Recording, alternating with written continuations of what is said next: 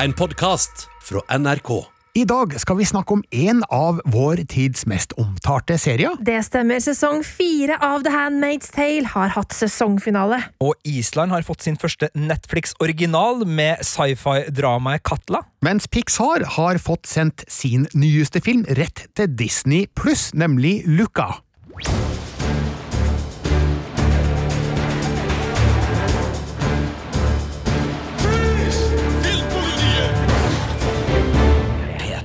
Her i studio sitter Birger Vestmo, Marte Hedenstad. Og Sigurd Vik. og vi skal først til The Handmaid's Tale sesong fire, som nå altså er over. Det stemmer.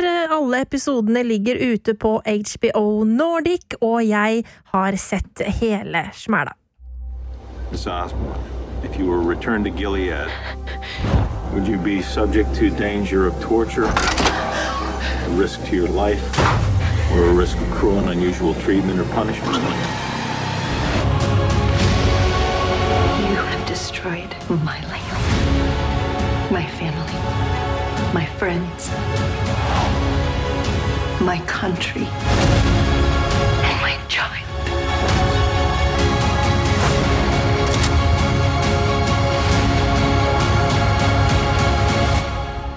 I ask for justice.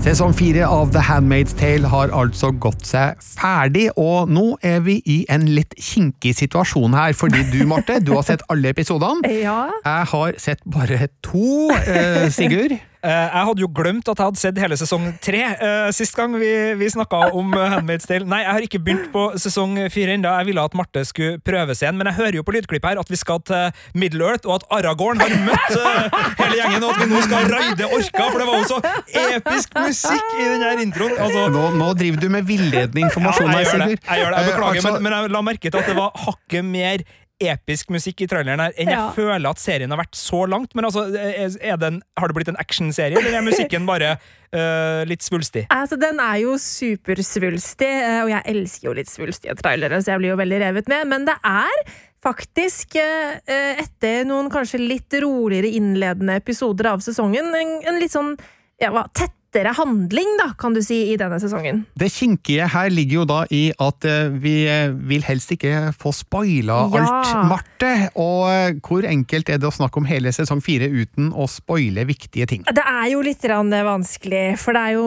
selvfølgelig ting som skjer som gjør at tematikken endrer seg, og som jeg jo selvfølgelig gjerne har lyst til å snakke om, men jeg skal prøve så godt jeg kan å ikke ødelegge sesongen for de som ikke har sett den. Fordi jeg syns jo virkelig det her er en sesong det er verdt å få med seg av The Handmaid's Tale. Um, som du nevnte, Sigurd, altså da sist vi snakka om serien, så uh, snakka vi om at du hadde glemt at du hadde sett forrige sesong, uh, og jeg nevnte også det med at forrige sesong starta også veldig bra, sånn som jeg syns sesong fire gjør, men at mm, gang på gang i The Handmaid's Tale-universet så har vi liksom fått den der følelsen av at ok, nå tror jeg kanskje vi får et taktskifte, og så får vi ikke et taktskifte, og så er det liksom tilbake i driten og liksom sumpen og den der følelsen av liksom gjørme bare kveler det. Fordi i starten av sesong fire, de to episodene jeg har sett, så er jo da June, spilt av Elizabeth Moss, ut i det fri, på en måte. Altså, hun er jo fremdeles i Gilead, men hun er på rømmen, og så tar det jo ikke lang tid før um, hun er tilbake igjen i varetekt hos Ja. de slemme, ekle maktfolka i Gilead, og da får jeg følelsen av at ok, nå skal vi tilbake dit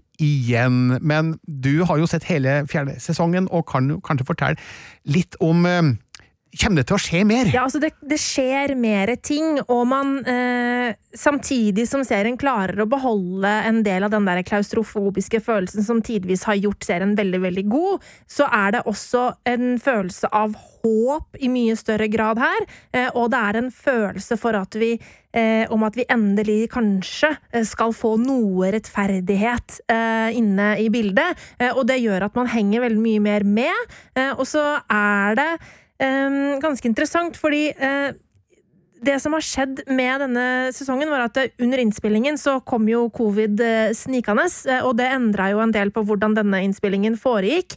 Um, og, så det er et lite sånn skifte halvveis inni der, der hvor liksom første halvdel av sesongen kanskje er ikke, Det er ikke action, men det er, det er litt mer kanskje action, hvis jeg skal si, bruke et sånt type uttrykk.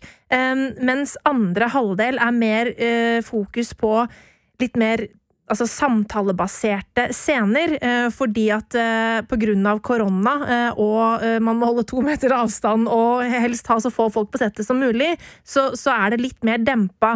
Men det har serieskaperne klart å liksom bruke til å gjøre om til en styrke, da. Fordi det er så utrolig mange gode samtaler her, og utrolig mange interessante oppgjør mellom rollefigurer som man har venta på. Jeg har jo fra sidelinja ikke fått med meg så veldig mye av handling, men mine eh, strømmer på sosiale medier har uh, eh, plukka opp to ting. Uh, og det ene er at Elisabeth Moss angivelig skal være en meget dyktig regissør mm. også på denne serien, ikke bare hovedrolleinnehaver.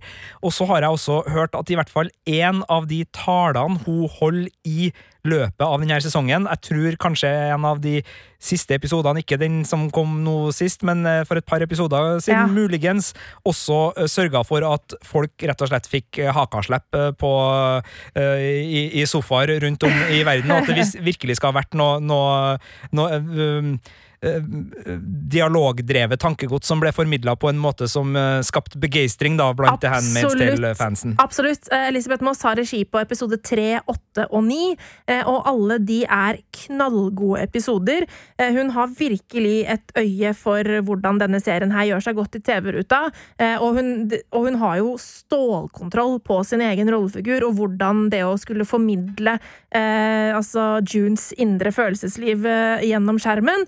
Eh, Eh, sånn at eh, jeg er veldig imponert. Altså, det, dette her er jo hennes eh, regidebut, og jeg blir ikke overrasket om hun blir nominert til Emmy for den rollen. Og jeg tror også at hun kommer til å bli nominert for rollen som skuespiller, mye på grunn av det du også nevner.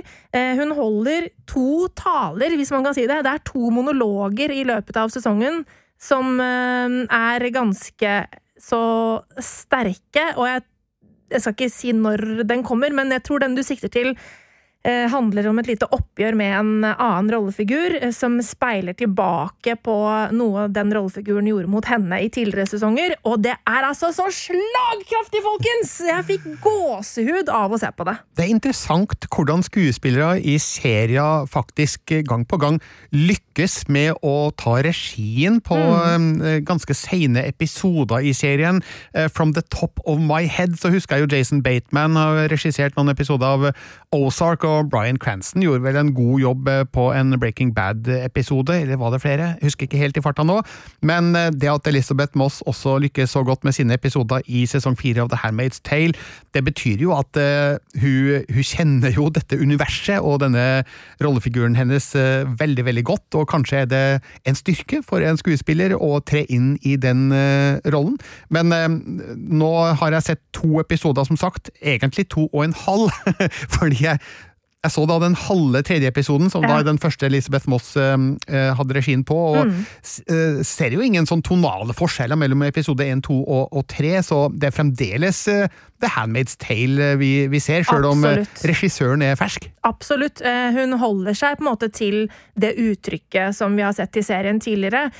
det kanskje syns kan være noe av forskjellen, hvis man skal klare å, å finne frem noe, er kanskje øh, fokuset på øh, ja, altså Junes indre følelsesliv i enda større grad, da, øh, og hvordan det kommer til uttrykk. Sånn at, og det er ganske interessant, fordi det er ti episoder i denne sesongen her, og hun har også da regi på episode åtte og ni. Og sånn, når man ser en sesong som helhet, så er jo det på en måte veldig sånn Spenningskurven er på topp i den delen av en TV-sesong. Eh, så det er jo utrolig eh, Altså en stor, stor tillit da hun har, eh, hun har fått eh, fra, fra serieskaper eh, Bruce Og hva heter han til etternavn igjen? Ja, Samme det. Eh, han har jo virkelig liksom gitt henne ja, han har tilliten, og hun har vist seg den verdig da, ved å klare å regissere såpass viktige episoder så utrolig bra som hun har gjort. Bruce Miller. Bruce Miller var det. Hilsen Internett Movie ja. Database. Ah, godt å ha ting å lene seg på.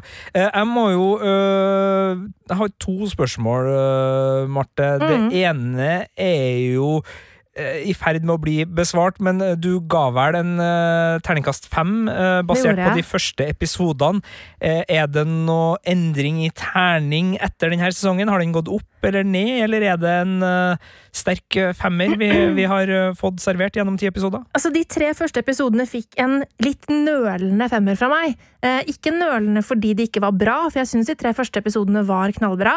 Eh, men det var litt nølende fordi jeg var usikker på uh, veien videre. For jeg var så engstelig for at det skulle skje det som skjedde i sesong tre, at det falt sammen.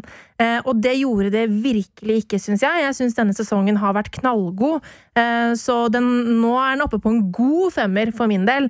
Um, og jeg syns det er så utrolig mye spennende tematikk som utforskes i denne sesongen, som man har vært inne på i tidligere sesonger, men som kommer til uttrykk i veldig mye større grad her, og det handler litt om hvem er det June har blitt eh, under Gilead sitt regime? Altså, hun har kjempet for frihet, hun har gjort grusomme ting for å redde seg selv og sine. Eh, hva gjør det med deg, da, når du har levd liksom i mange år gjennom tortur og voldtekt og alt mulig sånne ting? Hvordan kan du komme deg forbi det? Kan du komme deg forbi det? Vil du komme deg forbi det? Eh, Så det er utrolig mange spennende ting som tas opp. Ja, for eh, de to episodene jeg har sett, så eh, gjør June ting som gjør at du kanskje må revurdere ditt forhold til figuren, da, og din lojalitet til henne. Eh, er det noe som utforskes videre i, i sesong fire? Ja, i veldig stor grad. Eh, og vi kan jo bare si litt fra den første episoden, ikke sant? Da eh, det er en ung kone, commander wife, som er veldig ung, som har blitt virkelig mishandlet. Og det kommer en fyr som har vært med på den mishandlinga, og June gir henne en kniv og sier 'make me proud'.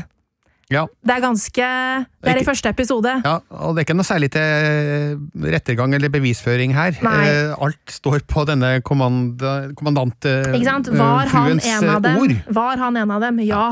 Her er kniven. Make Ja. me proud. Det sier litt om eh, hvor June befinner seg i, i hodet sitt, da. Eh, Og den eh, tankegangen og den, og den tematikken utforskes virkelig og problematiseres også, samtidig som vi også forstår henne. Eh, og det er veldig spennende, fordi June forstår også seg selv. Eh, men hun måte må, hun må gjøre valg Altså, jeg, uten, Jeg kan ikke si for mye, vet du, for jeg blir Nei. spoile, men, eh, men det er noen valg der som hun må ta, som på en måte veier den der greia opp mot hverandre. Da. Hvem har jeg blitt? Hvem er det jeg skal fortsette å være i livet mitt? Eh, hva er rettferdighet? Hva er hevn? Og det er kjempespennende. Men The Handmaid's Tale er en ganske tung serie å fordøye. Mm. Den er mørk, og den er dyster, og sesongene er lange. Og det var et problem jeg hadde med sesong tre, at det tok tid å komme seg i land med den, og derfor 13, det... 13 episoder, var ikke det? ja, jeg husker ikke helt antallet, men det var, det var mye. Og det gjorde kanskje sitt til at vi kom litt seint i gang på heimebane hos Mm. meg da med sesong fire. Men, men hvordan føler du at fremdrifta er i fjerde sesongen? Altså, de har jo da kutta ned fra 13 episoder, som Sigurd sier, til 10. Eh, og, det, og det hjelper veldig. Eh, man får ikke den derre sumpen midtveis som har vært en gjenganger for Handmaid's Tale. Um, og, og for egentlig, som er en Ja, det- gjenganger i veldig mange serier, dessverre. Det, dessverre. Det er spesielt eh, Netflix som i innledende faser drev og bandt opp seriene sine til enten 10 eller 13 episoder, Ja. og som alltid hadde en sånn eh, slump i midten hvor man følte at det gikk for halvt maskineri. Mm. Men eh, jeg er enig, jeg syns jo også eh, sesong tre var for seig, og, Ja. og det er jo grunner til at jeg ikke husker at jeg hadde sett den, og det, det er vel fall at jeg ble litt sånn apatisk i, i tittinga mi, rett og slett. Ja. Men uh, ti episoder, det er jo fremdeles ti timer Det, det er mye, men, Det er- eh, men, men ja det føles litt friskere og mer overkommelig. Absolutt. Det er jo fortsatt en relativt seig serie på grunn av den dystre tematikken, på grunn av liksom måten denne Den visuelle stilen er, det er dvelende, det er eh, s- stillhet eh, Altså, den bruker veldig mye ting som kanskje for mange kan bli kjedelig, eh, men eh, den er en mye mer effektiv sesong enn vi har sett eh, tidligere i serien. Og det skjer mye mer ting, og jeg syns det er veldig, veldig bra gjennomført. Jeg hadde et spørsmål til, og det gjelder jo, uten at du skal spoile, hvor er vi i Handmaid's Tale-linja nå? Altså, eh, Hvis du hadde spurt meg før denne sesongen, er, er sesong fire Tror du det vil bli en avsluttende sesong? Tror du det er liksom opptakten til seks nye sesonger med en helt ny story arc? Så hadde jeg vært helt i villrede, for jeg aner virkelig ikke Nei. hvor den serien her er på vei. Den kan liksom avsluttes relativt kjapt, og den er jo basert på ei bok som, som den har gått forbi for, For lenge lengst, siden, ja. uten at Mm. jeg har lest boka. Det Den sies, gikk vel men- forbi den. Altså, første, altså, boka er vel første, bo, første sesong. Ja. Ja. Men kan du, uten å avsløre noe, si noe om Ja. hvor du føler serien er på vei etter fjerde sesongen? For det er vel Det er bekreftet en femte sesong. Det er det, ja. Ok, ja, eh, og arbeidet på den har allerede begynt. eh, I hvert fall sånn forarbeidet. Um, og jeg tror nok at det blir den siste. Det føles som at det er på tide å avrunde nå. Ja, og ikke Og sånn som Det følte jeg jo etter sesong tre òg, men da var det mer fordi jeg var lei. Nå føles det mer som en naturlig avrunding at neste sesong blir den siste. Så det Jeg setter en knapp på det, eh, og da tror jeg det vil være en bra avslutning. Hvis det blir flere sesonger, da kommer det til å bli dårlig, tror jeg. Men du som har sett hele sesong fire, burde de ha avslutta nå? De kunne ha avslutta nå til en viss grad, men det er fortsatt noen løse tråder igjen som bør ryddes opp i før på en måte fortellingen er ferdig. Ja, nemlig.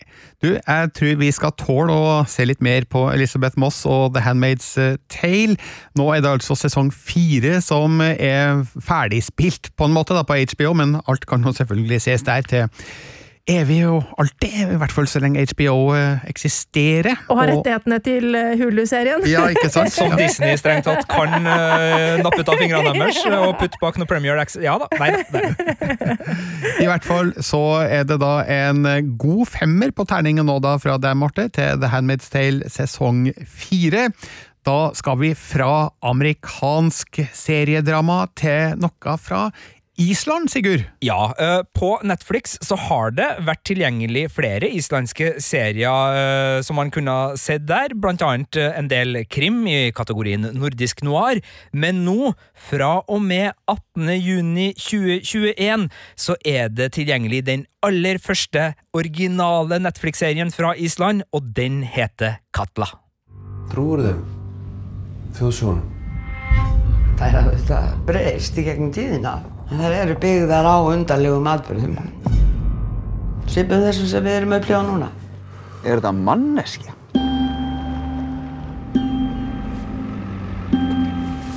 Hvem er det?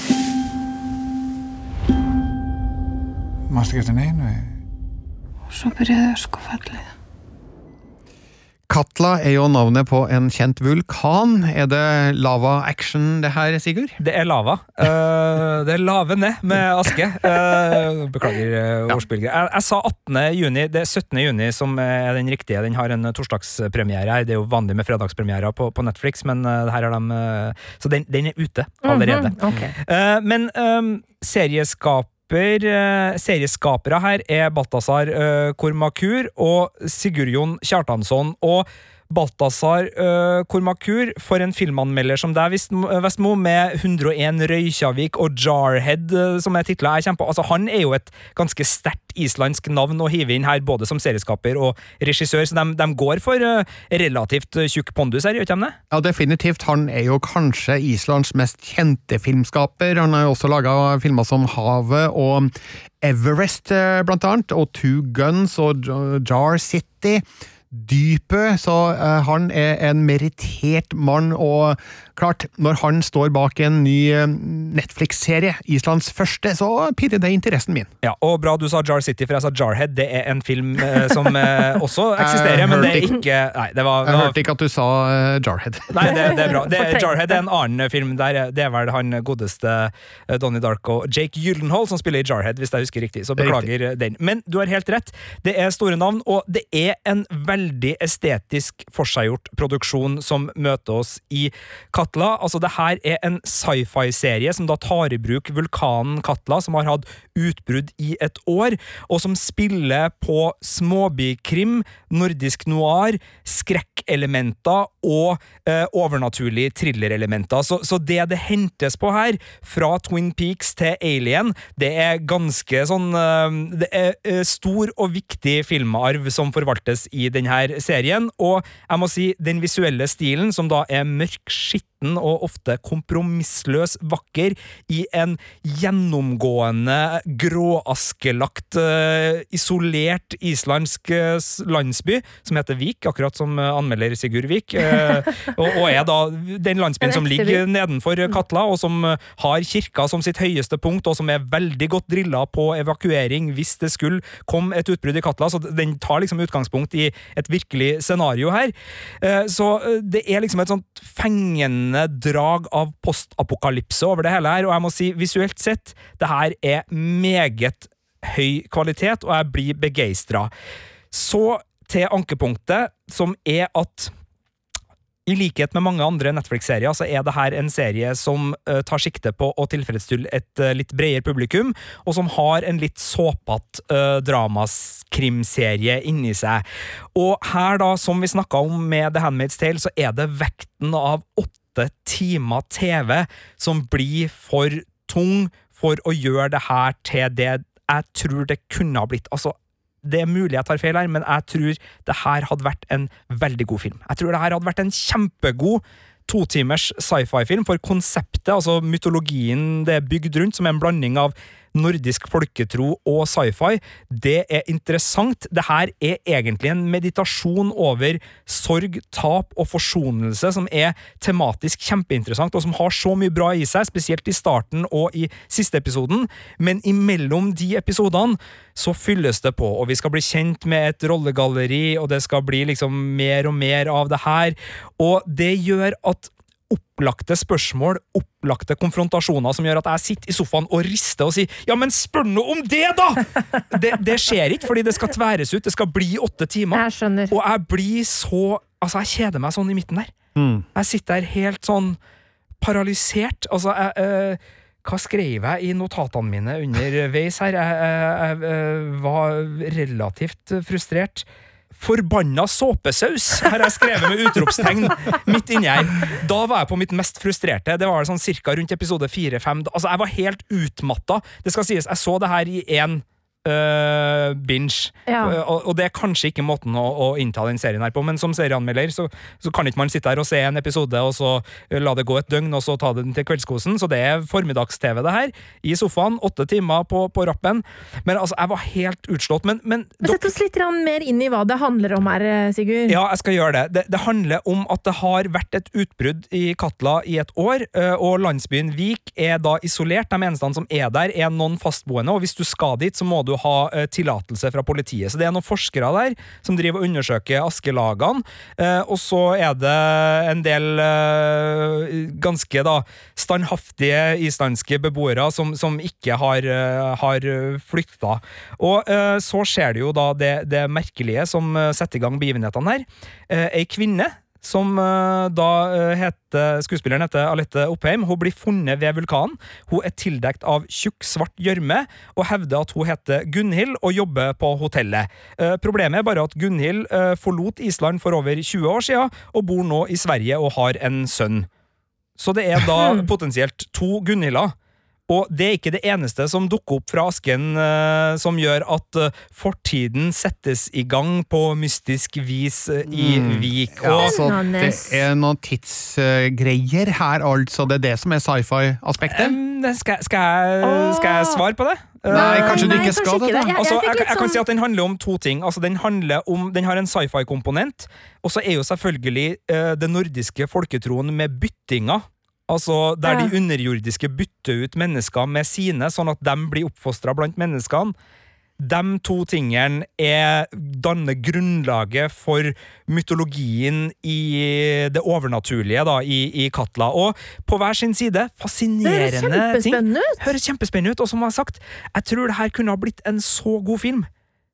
Ja, Det er bare, bare, altså Hva ville du som filmanmelder gjort hvis en uh, film på en måte putta fire timer med dødtid midt inni seg? Jeg hadde gitt en terningkast tre. Ikke sant? Det er derfor Katla dessverre får terningkast tre, og det føles uh, sjofelt rett og slett å gi denne terningkast tre, fordi det er uh, en visuell gjennomføringskraft og en kompromissløshet her. Jeg har brukt det ordet tidligere, men altså, det, det er det er kunst, rett og slett. Mye av det som er på skjermen her, er kunst, men den der uh, såpedramakrimserien som utspiller seg i midten, den blir langdryg, langtekkelig og Ok. lunken. For det er, det er det som gjør Det er såpekrimdrama som gjør Eller er det, eller er det tematikken? Fordi eh, du, du sier at det handler om liksom overnaturlige ting og alt mulig sånn. Jeg vet jo at du er jo sånn i utgangspunktet lite grann allergisk eh, mot ting som handler om åndelighet og sånn, for eksempel. Du mener når folk kan samtidsdanse seg til løsninger i serier som The OA på Netflix? For Ja, det, det er mulig jeg var du hater jo sånne ting. Nei, ja, det, jeg,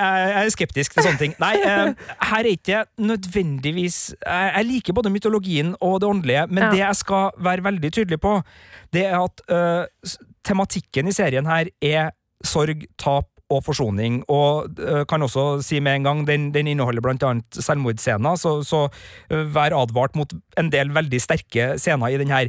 Og det er klart, den type tematikk, når det behandles gjennom overnaturlige og sci-fi-elementer, det vil treffe publikum veldig ulikt, tror jeg. Mm. Jeg tror det er mange som vil se den serien her, som kanskje er på et sted i livet hvor den vil gi mye mer mening, resonnere på en helt annen måte enn den gjør for meg. Det skal jeg være helt åpen på. Når jeg satt og, og kjeda meg underveis her, det er mulig det er fordi at jeg ikke blir grepet av de trådene som kanskje vil øh, treffe andre mennesker med en helt annen nerve. Det er jeg veldig Å, åpen på det. jeg er kjempenysgjerrig på hva jeg Ja. selv syns. Ja, øh, og, og det er en sånn serie. Jeg tror garantert den serien her vil få øh, veldig ulike kritikker. Jeg tror den vil få noen veldig høye terningkast. Jeg tror, jeg tror absolutt det. Uh, fordi jeg tror hvis den treffer deg, så treffer den deg. Ja. Jeg tror uansett den er altfor lang og, og kjedelig.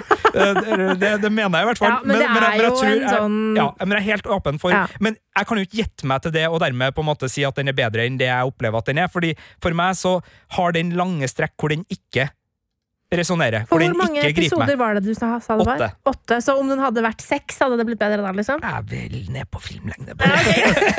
Så eh, din melding til Balthazar Kormakur og han andren er å sette seg ved klippebordet og få spilletida ned Nei, til det- det- spillefilmlengde. Altså, Har du hørt maken til kjeppe kritiker som sitter i en sofa her i eh, et P3-studio og, og skal mene og belære eh, en filmskaper som har 20 års erfaring og som virkelig har slått seg opp som en av de store på Island? Jo. Nei men, men det er mitt inntrykk er at det her hadde vært mye mer spiselig som en uh, film. Det er også fordi at jeg snakka så vidt om David Lynch, og David Lynch er et veldig relevant uh, forbilde her. Fordi hvis man tar uh, og sammenligner litt med Twin Peaks da, og, og andre Lynch-produksjoner, så finner man veldig mye som, som ligner. Altså Man har skrekkfilmelementer med at her sitter folk i badekar, og de er i gamle hus, og det er likfunn, og det er mye sånn.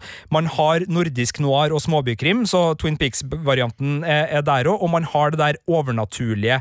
Men der Twin Peaks og David Lynch gjør det til noe som du blir grepet av forundring rundt, hvor du blir skikkelig skremt. Altså, Bob sitter vel i eh, sofakroken eh, og skremmer oss fremdeles, eh, 30 år etter at han dukka opp første gang.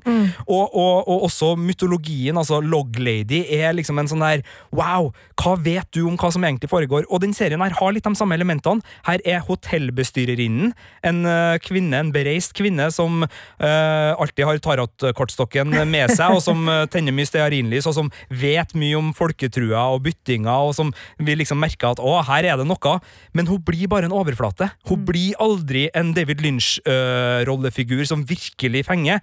Og det er litt sånn typisk for Netflix, da, at de vil ha med sånne ting, fordi det er liksom uh, tried and tested, uh, publikums-approved materiale, hvor man vet at folk liker den type ting. Og på overflata så er jo det kult, men samtidig, altså, David Lynch er jo ikke den han er fordi at han fenger oss med noe overflatedrit.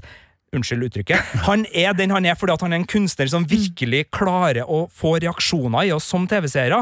Og det er der jeg mener at som serie eh, Katla også har noen svakheter. Altså, den ligner på andre serier som virkelig har grepet, men den blir liksom aldri i nærheten av forbildene sine. Den blir ikke den nordiske noir-serien som Forbrytelsen eller Broen eller andre litt sånn groteske serier har vært. True Detective kan sies også, for det er likfunn her, Ja. som man må under ned i jorda, man må finne noe som er sånn «Wah!» Eh, men, man blir ikke ordentlig grepet, man blir ikke ordentlig fenga, og det er ikke historie som virkelig liksom drar oss inn, da. Ikke sant? Men da ser jeg for meg at eh, en litt yngre person Mm. som på en måte bare plutselig får den her opp i feeden sin på Netflix, og som kanskje ikke har sett disse andre seriene du snakker om, kanskje kommer til å digge denne serien. Mm. Men da er det jo vårt ansvar å si at men du skulle Du ha Du skal grave dypere! Du må eh, eh, liksom educate yourself! Nei da, man, man står eh, i kraftig fare for å bli en eh, gammel gubbe her. Men det skal sies, selv om jeg uh, syns at serien ikke på en måte når de dybdene i, i handling og kanskje i rollefigurbygging, det er veldig mye gode rollefigurer her, og eh, visuelt sett og med musikk og stemninger, altså alt brennes på stemningsbålet her, og det skaper en serie som virkelig slår fra seg eh, som et kompromissløst kunstverk. Så, så den skal ha det, Katla. altså Der er den høyt oppå terningen, men det er bare uh, at jeg er en surmaga kritiker, så den uh, får tre. Men du er en god kritiker, Sigurd. Ja, det det var Katla, sesong én. Den er ute på Netflix i dag, når det her spilles inn. 17. juni 2021. Terningkast 3-anmeldelsen til Sigurd den kan du også lese på p3.no filmpolitiet. Eh, nå har det vært ganske mørkt og dystert i podden så langt. Vi har snakka om The Handmaid's Tale og Katla. Vi må avslutte med noe lyser og lystigere og mer fargerikt, og da skal vi til den nye Pixar-filmen Luca. Luca. That was hard to watch. You, uh, coming?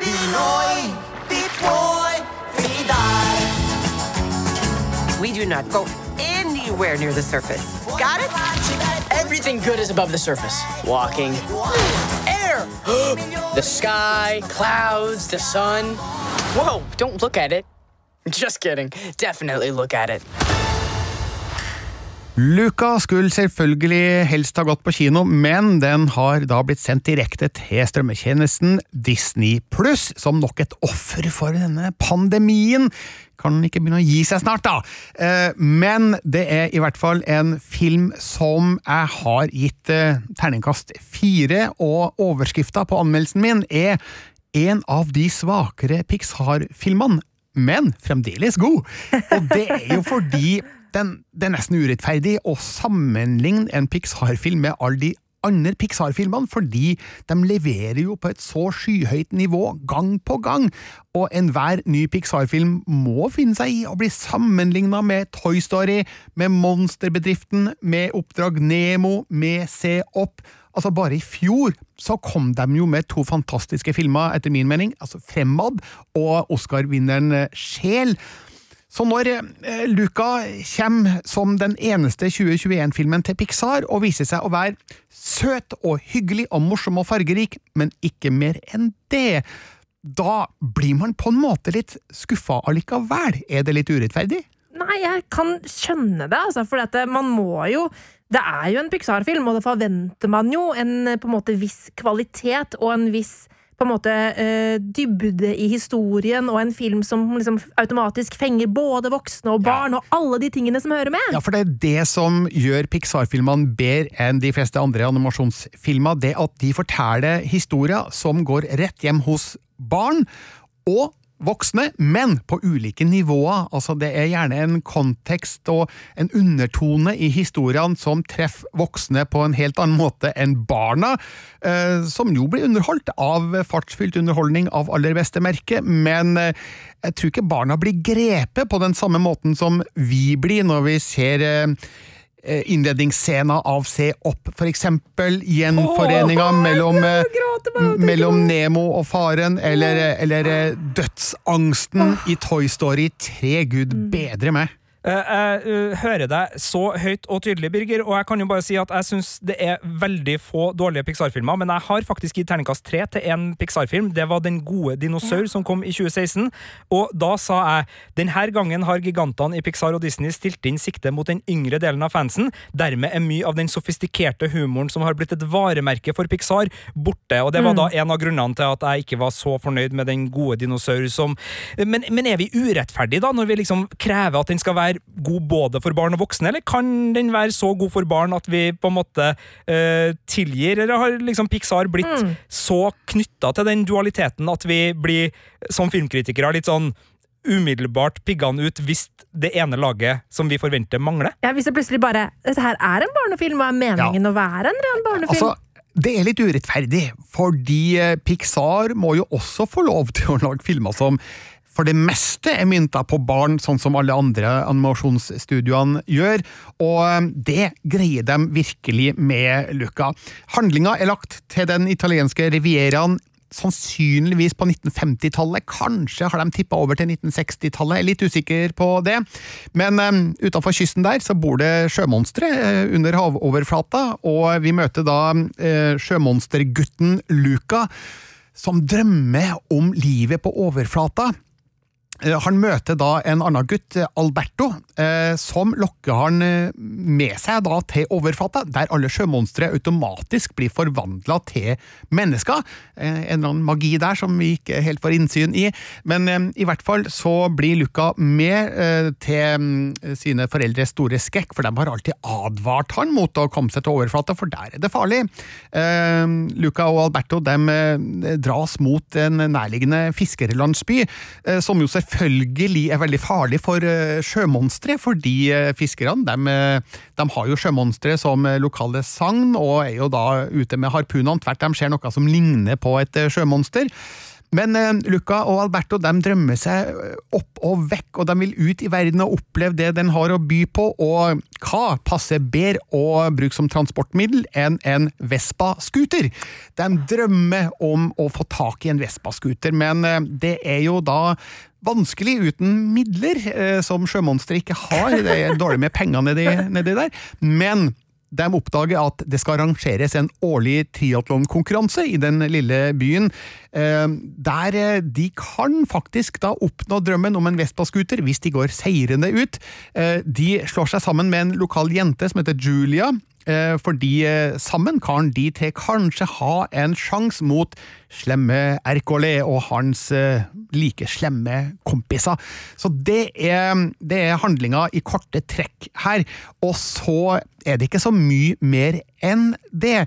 Eh, Du kan kanskje se noen linjer i handlinga som handler om eh, det å ja, finne seg sjøl, og være litt annerledes, og ha liksom trangen til å komme seg vekk fra det kjente, og, og, um, og, og frykten for det ukjente, som jo manifesterer seg gjennom eh, foreldras holdning til havoverflata. Men eh, det her er ikke så viktig, føler jeg. Her er det mest av alt fokus på eh, morsomme, søte, fargerike figurer, og situasjonskomikk og spenning på et nivå som passer de som ikke er veldig gamle. Så der så Luca, så var det jo bare kos og hygge, og det er morsomt, og eh, hadde absolutt ingen problemer med å eh, konsumere Luca underveis, men eh, satt igjen etterpå med en følelse av at eh, skal det ikke være litt mer da, når Pixar lager en film? Ja, for det, det jeg lurer på når du snakker her nå, er hva med den derre lekenheten, som også er en annen ting Pixar er så kjent for i animasjonen sin? Altså, de har en sånn kreativitet og en sånn derre ja, utrolig sånn nysgjerrighet på å gjøre ting annerledes og liksom skape så mange nye ting som ser liksom som man aldri kunne klart å finne på på egen hånd, hvis du skjønner. Eh, med tanke på animasjonen. Wall-E, da.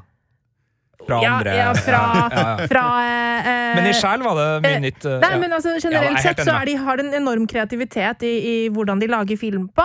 Eh, er det beholdt her, eller er det også blitt litt borte i, i suppa? Nei, jeg føler at den er litt på backburneren, som det heter her. Det er ikke en film som prøver å være veldig nyskapende i måten den visualiserer historien på. Mm. Og kvaliteten på animasjonen den er litt vanskelig for meg å uttale meg om, fordi det her blir litt sånn teknisk, da, men når vi ser eh, eh, tidligversjoner av filmer på Disney Pluss, så er det via en eh, egen eh, server der billedkvaliteten dessverre ikke Ja, er mm. bra.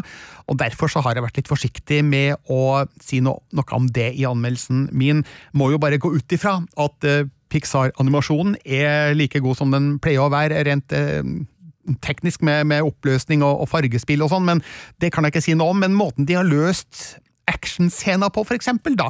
Eh, det står ikke noe tilbake for andre animasjonsfilmer, men samtidig så føler jeg at det, er ikke en film der Pixar har prøvd å tøye strikken og pushe grensene og, og, og, og gjøre nyskapende, spennende, morsomme ting. Men eh, det er solid, og det er godt håndverk, i hvert fall. Ja, for det, et, eh, altså sånn som i Sjel, da, så, så er liksom eh, animasjonene både lekker, særegen, og de åpner opp mytologien. Altså Det Mhm. er gjennom animasjonene at vi skjønner mytologien. Og hvis jeg hørte deg riktig når du oppsummerte her, så er det liksom øh, kanskje ikke den rikeste mytologien eh, i denne filmen med tanke på forklaringsmodeller, og at man skal bli grepet inn i en, en tankerekke av liksom Å ja, fader, hva om det er sånn, ja? Hva om Ja. det er sånn det er livet? Nei, altså Det er en ganske enkel og rettelinja mytologi, og det er ikke noe du sitter igjen med mye tankegods av i etterkant. Men, eh, men det er i hvert fall en, det er en pen eh, film med et nostalgisk preg, kan du si da. For som sagt, handlinga er lagt til ca. 50, tidlig 60-tall. Mye vakker italiensk pop på soundtracket her. Også er jo landsbyen det hele foregår i eh, veldig pen, som en, som en sånn postkort fra en svunnen tid, eh, fra da før turistene overtok hele den italienske kysten. Eh, eh, morsomt for øvrig at eh, byen heter Porto Rosso. Kan du tenke deg til hvilken assosiasjon jeg fikk da, Marte? Da tenker jeg at du kanskje tenkte litt på Porco Rosso, kanskje? Ja, kanskje det. Jeg mener at det her, det her må være en, eh, en slags hyllest til mm, Studio Ghibli og Mm. Hayao Miyazaki. Eh, og jeg har lest eh, eh, intervju med regissøren av eh, filmen, eh, som heter, når jeg scroller her, Enrico Casarosa, som er en stor fan av Miyazaki, så det må Ja. jo være derfor at han har kalt eh, byen da Porto Rosso. Eh, og utseendet til byen skal være, det har jeg lest meg til på nett, det skal være inspirert av det som kalles Sinkter, som er da fem byer i Liguria-regionen i det nordlige Italia, og det ser jo ut som et eh, som et postkort, eh, som sagt, da, som, som en italiensk landsby, eller fiskelandsby, kanskje så ut eh, på den tida. Og en annen ting jeg leste meg til på nett, les massevis på nettet, er at eh, hvis man ser nøye etter i sjel, så ser man i et vindu i et reisebyrå en plakat som reklamerer for Porto Rosso. De elsker jo å Så ha det- sånne små frempek. ja, ja. Så eh, det er jo et element å ta med seg videre, da. Så eh, dermed så sitter vi igjen med en eh, liten, søt Pixar-film som jeg gjerne skulle ha sett på kino, men når den en gang gikk videre til Disney pluss med en gang, altså utafor kinoen, av pandemien, så, så er det ikke den verste filmen det kunne ha skjedd med. Det var mye verre at vi måtte se sjel på Mm. TV-skjermen og ikke oppleve den i en stor kinosal. Eh, jeg har to eh, kjappe spørsmål, Birger. Det første er eh, er det her Premier Access som gjør at jeg er nødt til å betale 259 kroner for å få se luka når jeg allerede abonnerer på Disney Pluss, eller er den en del av abonnementet mitt? Ja, Så vidt jeg vet, så er det her eh, inkludert i ditt Disney Pluss-abonnement, eh, Sigurd. Så ikke noe Premier Access på Luca, og det tenker jeg er fint der for de som eh, har lyst til å se den nye Pixar-filmen, tross alt, på TV. Det er veldig fint, for jeg har eh, den strømmetjenesten, og da eh, kommer jeg automatisk over på mitt andre lille spørsmål. Eh, min far og jeg, vi er ikke barn, men han er veldig glad i Vespa, han er glad i 50- og 60-talls nostalgi og Italia. Skal jeg og farsan uh, se denne filmen? Ja, Definitivt skal du se Luca med far din. Det er ingen som kommer til å ta skade av å se Luca, og de færreste kommer til å kjenne på noe aggresjon i forhold til filmens eh, mangelfulle Pixar-nivå, hvis det går an å, å si. Bare vær obs på at eh, Pixar har et lite hvileskjær her med Luca, men det er et veldig søtt og morsomt hvileskjær. Filmpolitiet.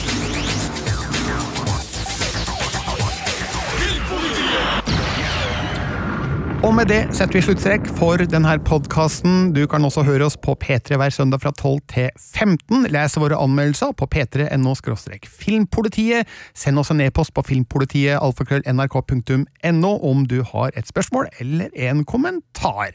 I studio i dag, Birger Vestmo. Marte Hedenstad. Og Sigurd Vik. Du har hørt en podkast fra NRK. Hør flere podkaster og din favorittkanal i appen NRK Radio.